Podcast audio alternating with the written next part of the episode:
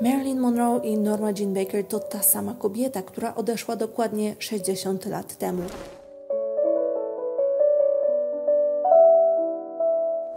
Jednak zainteresowanie nią wcale nie wyblakło. Merlin znana jest z wyjątkowej umiejętności magnetyzowania, a Norma z obserwowania rzeczywistości, co udało jej się zawrzeć w kreacji postaci, którą będzie grała do końca życia. Powstają kolejne filmy, artykuły na temat Merlin, a to wszystko dlatego, że zarówno jej życie, jak i śmierć owiane były tajemnicą. Najpopularniejsze teorie dotyczą ingerencji FBI i Johnego Kennedy'ego, ówczesnego prezydenta i kochanka Marilyn. Dzisiaj bez wątpienia wiemy znacznie więcej i coraz więcej osób ze względu na upływ czasu pozwala sobie na uchylenie rąbka tajemnicy.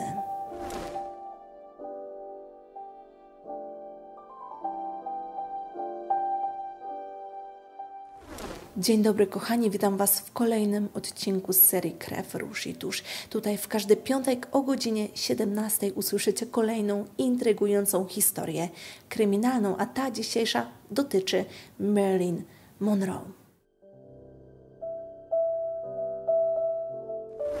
Norma uważała, że Marilyn nie jest prawdziwa. Prawdziwa była tylko Norma, bo właśnie tak miała na imię ta gwiazda. Urodziła się 1 czerwca 1926 roku w Los Angeles w biednej rodzinie. Jej matka Gladys Pearl Baker urodziła się w Meksyku, chociaż nie była Meksykanką.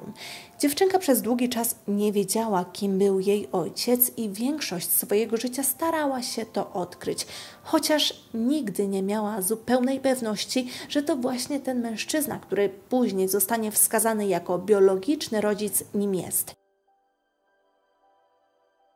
Kiedy jeszcze była dziewczynką, w domu wisiało zdjęcie pewnego mężczyzny, który według Normy wyglądał jak Clark Gable. Jej mama, kiedy Norma wpatrywała się w to zdjęcie, powiedziała, że to jest jej ojciec. I od tego momentu dziewczynka wyobrażała sobie, jaki mógł być jej tata, i zawsze wyobrażała go sobie jako cudownego człowieka. Gladys powiedziała, że mężczyzna zginął w wypadku samochodowym, jednak Norma wcale w to nie wierzyła. W smutnych momentach wyobrażała sobie, że jej tata się nią opiekuje. Robiła to dlatego, ponieważ brakowało jej stabilizacji. Mama Normy nie była gotowa zadbać o córkę zarówno w wymiarze psychicznym, jak i finansowym, chociaż chciała być matką. Gladys niedługo po narodzinach oddała dziewczynkę do Alberta i Idy Bolender i płaciła im za opiekę. Starała się również odwiedzać córkę i latem 1933 roku kupiła mały domek w Hollywood i uznała, że to wreszcie dobry moment, żeby zapewnić tej małej poczucie bezpieczeństwa. Kiedy Norma myła naczynia w domu jej przybranych rodziców, jej matka weszła do kuchni i ze łzami w oczach powiedziała, że będą mieszkały w nowym domu.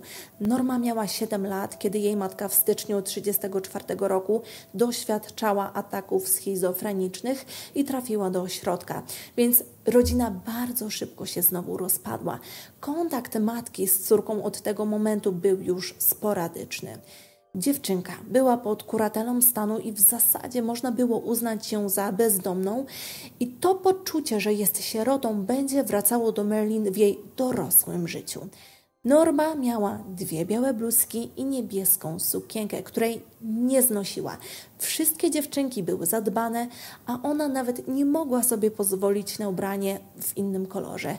Zaczęła dorastać i zauważała, że dzieci coraz gorzej ją traktowały, ponieważ była biedna i niezadbana. Norma na szczęście nie została zupełnie sama, ponieważ opieką objęła ją przyjaciółka matki, Grace, która stanie się bardzo bliska Normie. To ona jako pierwsza pokazała dziecku, czym jest dotyk.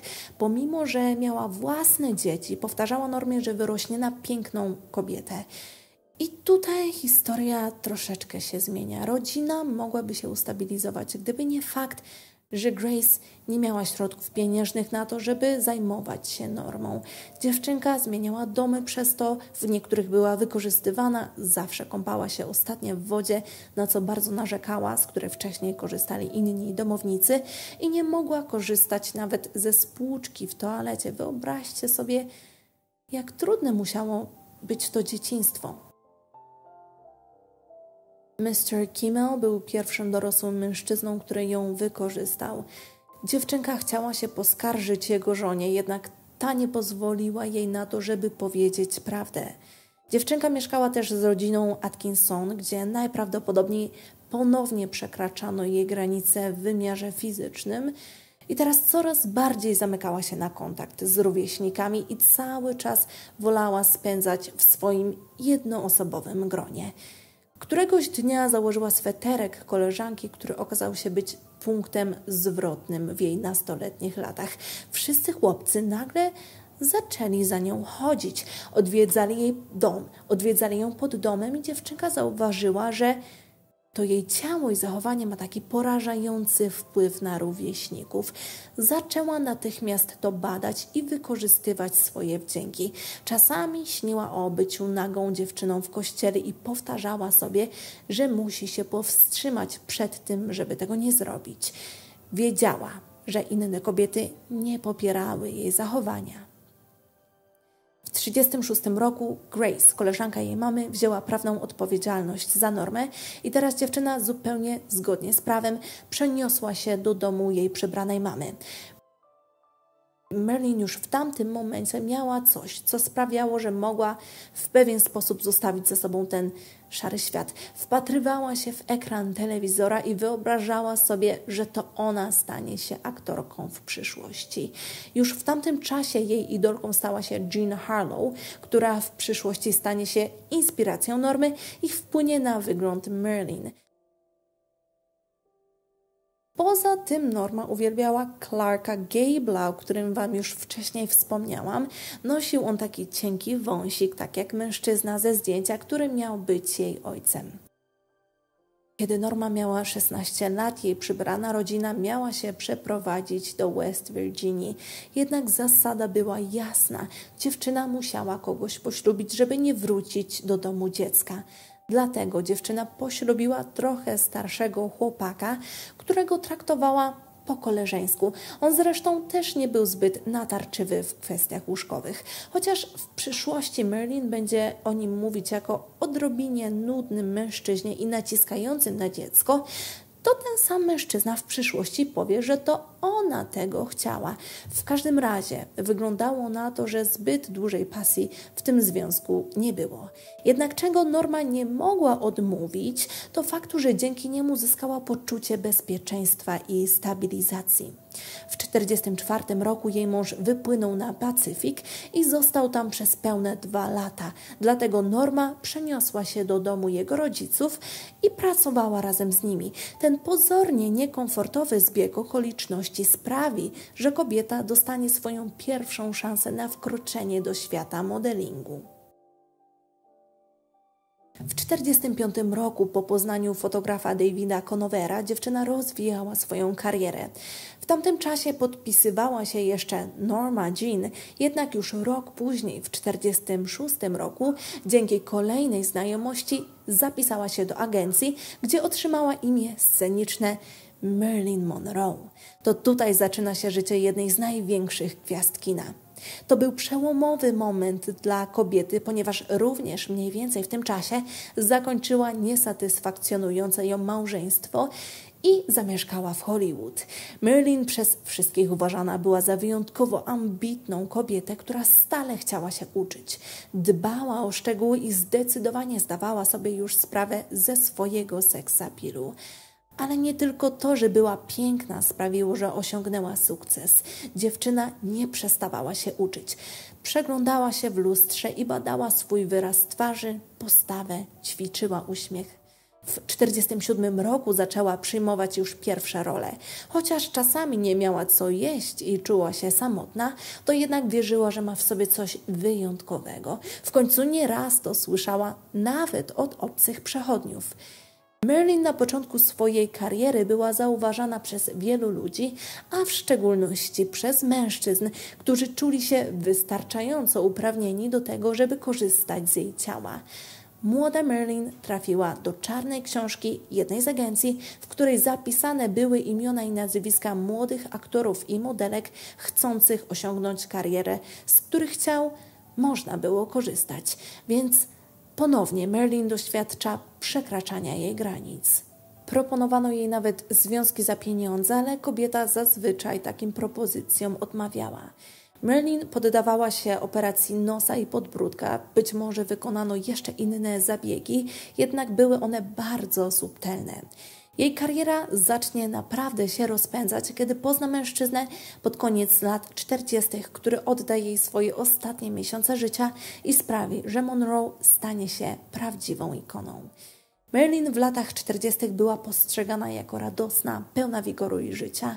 Szeroko się uśmiechała, emanowała radością i wiedziała, że to sprawia, że ludzie pozytywnie odbierają jej osobę. W końcu jako dziecko słyszała nieraz, że powinna się częściej uśmiechać. Merlin teraz spędzała czas w gronie najważniejszych osobowości z przemysłu filmowego, szczególnie w eleganckich restauracjach, gdzie mogła nadrobić posiłki za cały tydzień. W ciągu tygodnia nie stać jej było na takie wystawne obiady. Merlin zdecydowała się również na pozowanie nago. Wtedy jeszcze nie wiedziała, że stanie się tak popularna, a do kalendarza właśnie kogoś takiego potrzebowano, bez rozpoznawalności. Wtedy kobieta stawała się coraz bliższa Josephowi Shankowi. Był on prezesem zarządu Century Fox i znacznie starszym człowiekiem niż Merlin i to podobno w gronie znajomych było wszystkim wiadome, że między nimi było coś więcej. I młoda kobieta chciała czegoś więcej od życia i najprawdopodobniej w ten sposób uznała, że dostanie się na szczyt.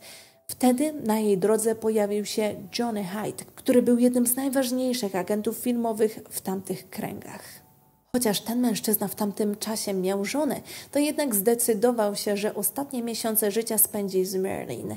Hyde był poważnie chory, był w niej tak zakochany, że podobno nawet się jej oświadczył, ale Monroe nie przyjęła tej propozycji. Zresztą, jak wielu innych propozycji za mąż pójścia. Johnny był bardzo bogatym i wyjątkowo znanym człowiekiem w tamtych kręgach i zdecydował się wykorzystać swoje znajomości, żeby wypromować karierę tej młodej blondynki, ponieważ Merlin wtedy już obcięła włosy i przefarbowała właśnie je na ten kolor.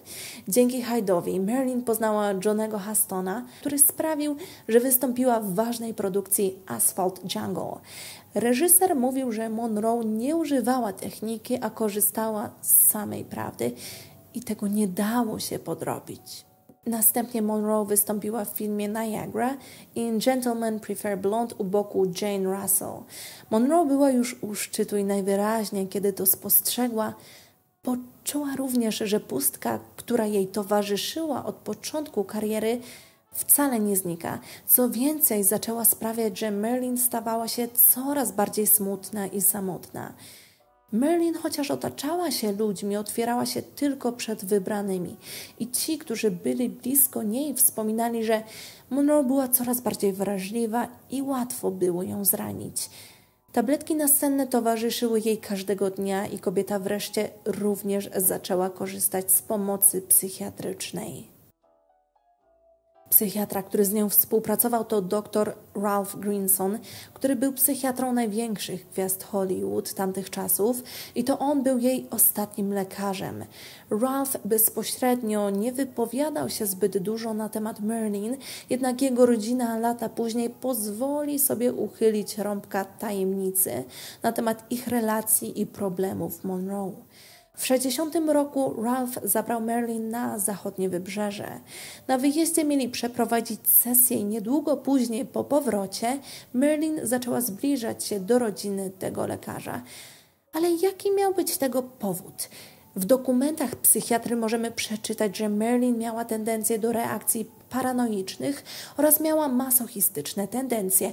Według lekarza kobieta skupiała się w bardzo dużym stopniu na uczuciu osierocenia i dlatego uważał, że jako terapię zastosuje stworzenie jej rodzinnej atmosfery.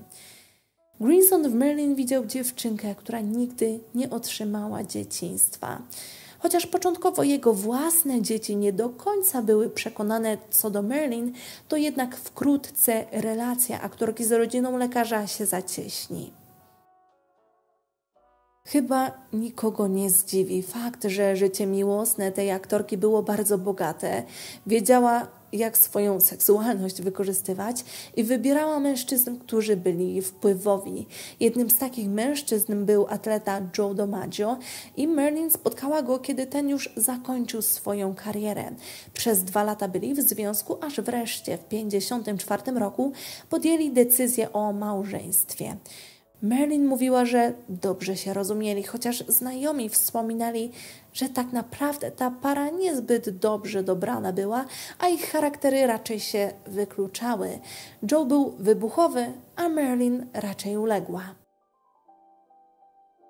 Chociaż tym przynajmniej na samym początku Monroe starała sobie nie zawracać głowy, to, co najbardziej ją interesowało, to fakt, że Joe był w nią wpatrzony jak w obrazek i nie chciał odstąpić jej na krok.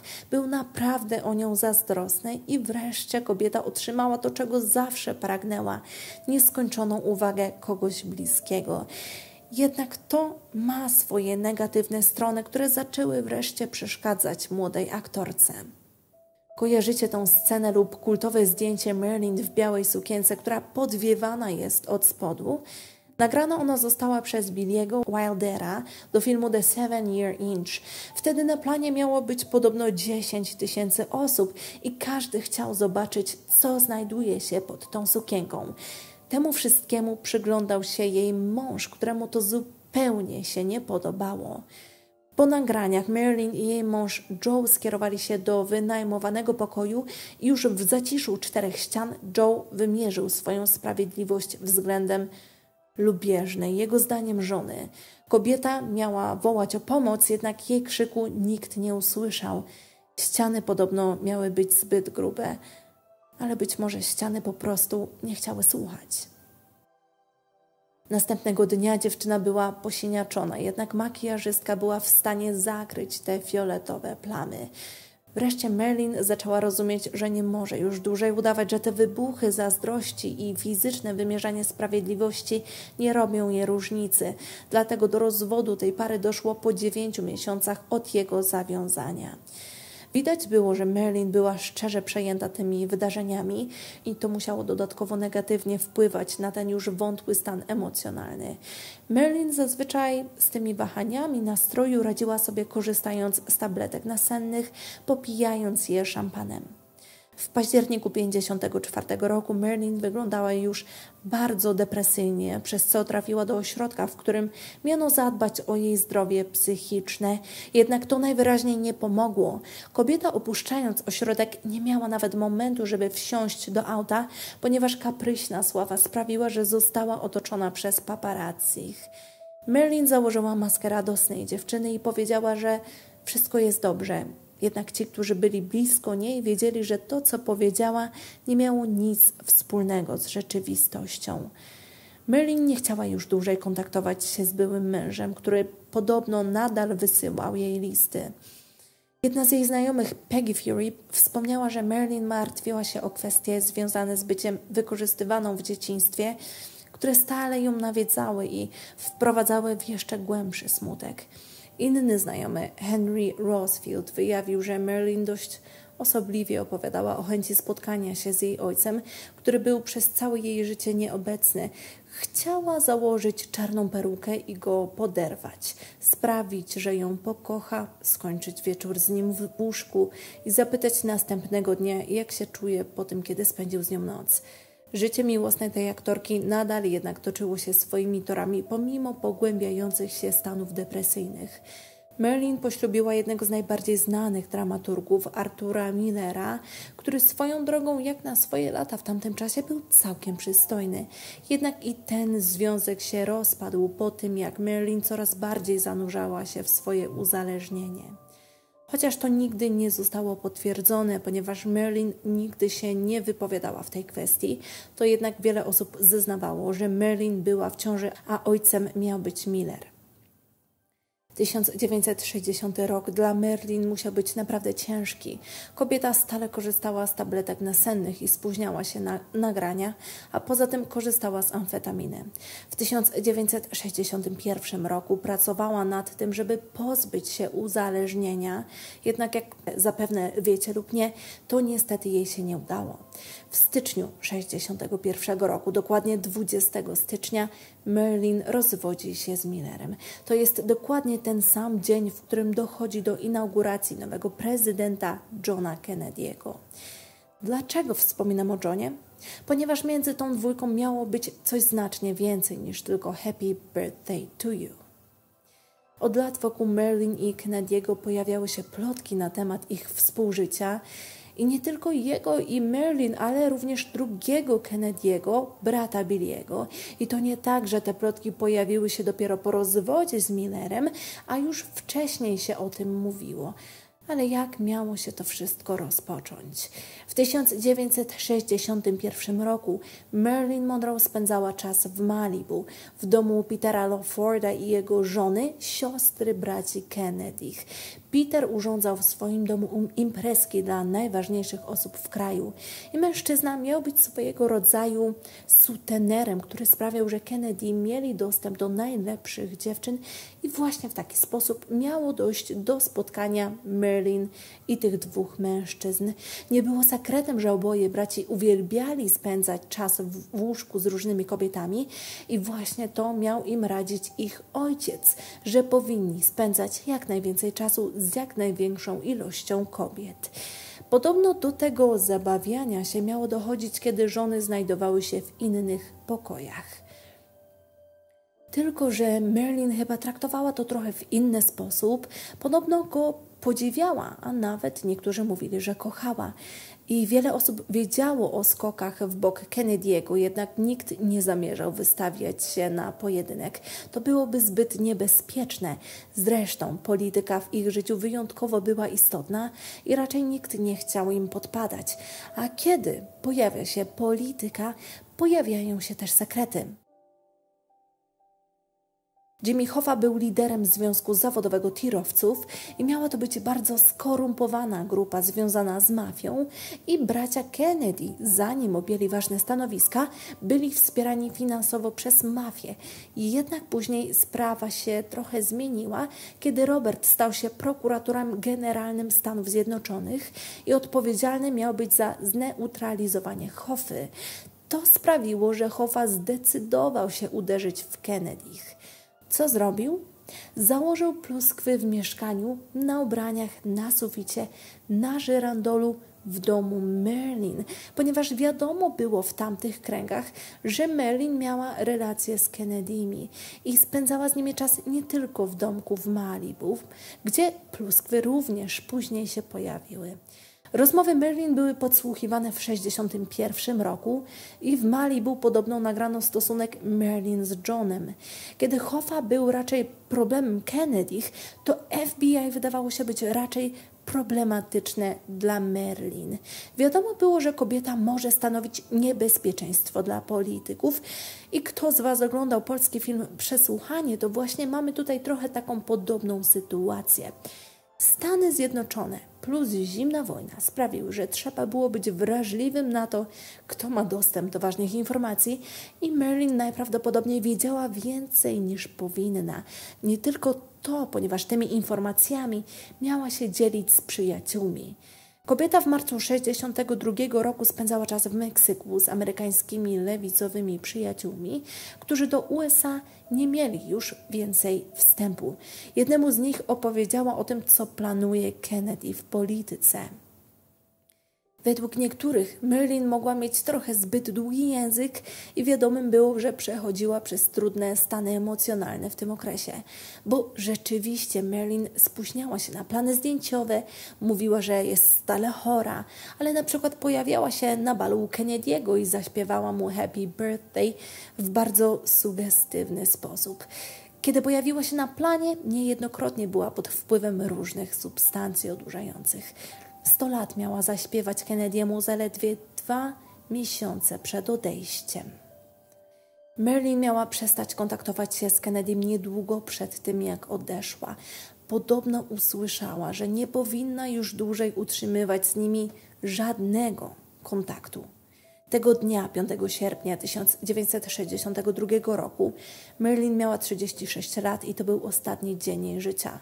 Oficjalnie około 19 poprzedniego dnia do Merlin zadzwonił jej były mąż DiMaggio, który miał powiedzieć, że nie powinni już dłużej utrzymywać żadnej relacji. 4 sierpnia Merlin była w swoim domu w Brentwood. Razem z nią została jej gosposia Eunice Murray, ponieważ Grinson, psychiatra Merlin, poprosił, żeby z nią została. Najwyraźniej kobieta nie była w najlepszym stanie psychicznym. Merlin ostatni raz żywa była widziana o 8 wieczorem, ponieważ o 19.45 Merlin otrzymała telefon i została zaproszona na galę.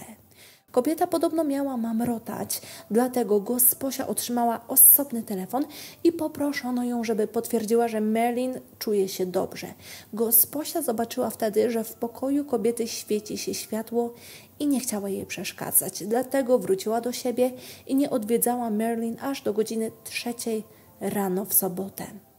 5 sierpnia kobieta zauważyła, że Monroe była zamknięta w swoim pokoju na klucz i światło nadal się świeciło.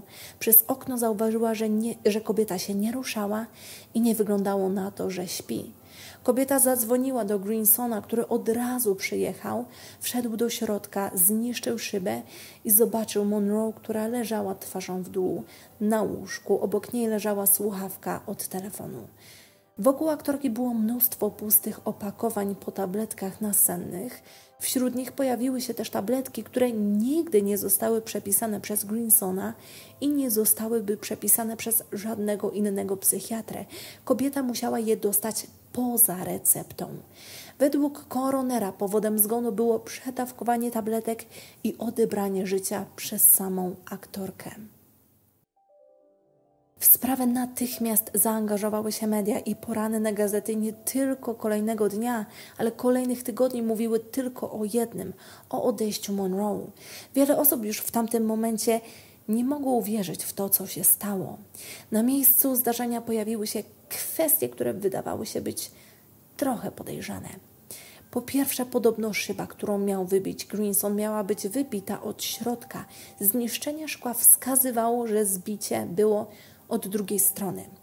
Po drugie, w wątrobie kobiety znaleziono tak wysokie środki środków odurzających, że podobno nie byłaby w stanie sama tyle zażyć i możliwe, że podano je w kobiecie w inny sposób. Tylko ja się zastanawiam w jaki, ponieważ jeżeli byłoby to podane w sposób dożylny, to na ciele kobiety byłyby ślady. Po trzecie, nie znaleziono na miejscu zdarzenia ani szklanki, ani żadnego śladu wody, więc jak Merlin miałaby połknąć takie ilości tabletek bez wody? Dodatkowo, żona Artura Jacobsa, mężczyzny, który był agentem prasowym Merlin, powiedziała, że świetnie pamięta tamtą noc. Po tym, jak ona i jej mąż zostali wyproszeni z Hollywood Bowl, ona poszła do domu, a jej mąż poszedł do Monroe o 11 w nocy. Zrobił to, ponieważ otrzymał informację telefoniczną, że coś jest nie tak z Merlin. Jeżeli rzeczywiście był u Merlin, to musiałby pojawić się przed Greensonem, jeżeli ten oczywiście mówił prawdę. Według oficjalnych dokumentów Monroe została znaleziona bez życia, jednak jeden z ratowników karetki, który tamtej nocy zabrał Marilyn, zeznał, że kobieta jeszcze w pojeździe żyła i była w stanie śpiączki. To znaczy jej serce nadal biło. To miał podobno potwierdzić później Greenson w wywiadzie z jednym z dziennikarzy niedługo przed jego śmiercią. Czyżby Greenson coś ukrywał? Niektórzy twierdzą, że Merlin miała próbować się ratować i dzwonić do kogoś, żeby po prostu nie umrzeć, żeby siebie ratować. Ale jak to miałoby znowu być związane z Kennedy? Skąd biorą się te historie, że to Kennedy miałby być odpowiedzialny za jej odejście? Albo to, że FBI miało to życie odebrać? To, co wzbudzało podejrzenia, to fakt, że Bobby kontaktował się z Merlin w jej ostatnim dniu jej życia. Zadzwonił z domu Lawforda, tego, który znajdował się na plaży, i kobieta była zła. Podobno mówiła, że została wykorzystana, a Bob kazał się jej już dłużej z nimi nie kontaktować.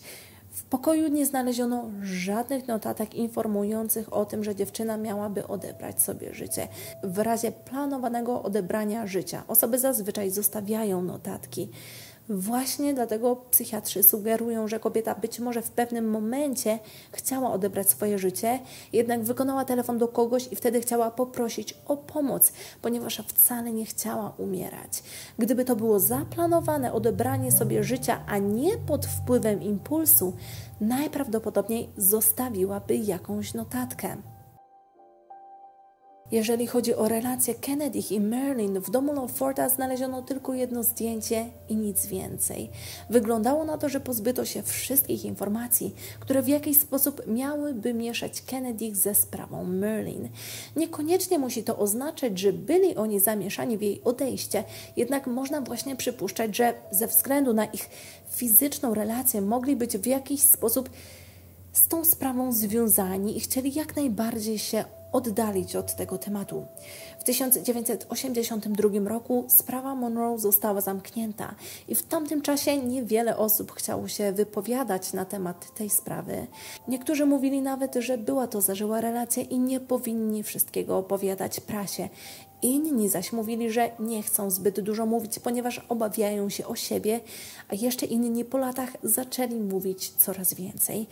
I właśnie w takich sprawach związanych z ważnymi osobistościami zazwyczaj dowiadujemy się szczegółów po wielu, wielu latach. O ile jeszcze osoby związane ze sprawą żyją, rzecz jasna, ponieważ po wielu latach nie muszą oni już się obawiać o to, że powiedzą coś, czego nie powinni. Co ciekawe, badania z 2022 roku wskazują, że ojcem Monroe był Charles Stanley Gifford, współpracownik jej matki, z którym miała romans. I to wszystko w dzisiejszej sprawie.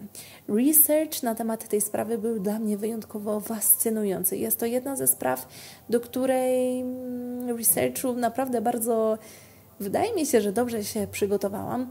Jest co prawda oczywiście mnóstwo nieścisłości w tej sprawie. Jak zawsze prowadzenie naszego internetowego dochodzenia nie jest możliwe tak w zupełności do zrealizowania, ponieważ w sieci znajdziecie mnóstwo informacji, jednak ich potwierdzenie nigdy nie jest możliwe. Żeby być pewnym tego, co naprawdę się wydarzyło, trzeba być u źródła. Pomimo tego, mam nadzieję, że pojawiły się w tej sprawie informacje, których jeszcze nie znacie. Jeżeli temat Was zainteresował, to śmiało zachęcam do obejrzenia innych materiałów w tej sprawie, ponieważ takich jest naprawdę mnóstwo, zarówno filmów dokumentalnych, jak i fabularnych, książek, biografii. Znajdziecie z pewnością coś interesującego dla siebie. Życzę Wam udanego i przyjemnego dnia, a jeżeli chcecie jeszcze spędzić ze mną trochę czasu, posłuchajcie innej historii kryminalnej. Wystarczy, że klikniesz film, który pojawia się na ekranie albo tutaj, albo tutaj. Do zobaczenia w następnym odcinku. Ciao! Besos!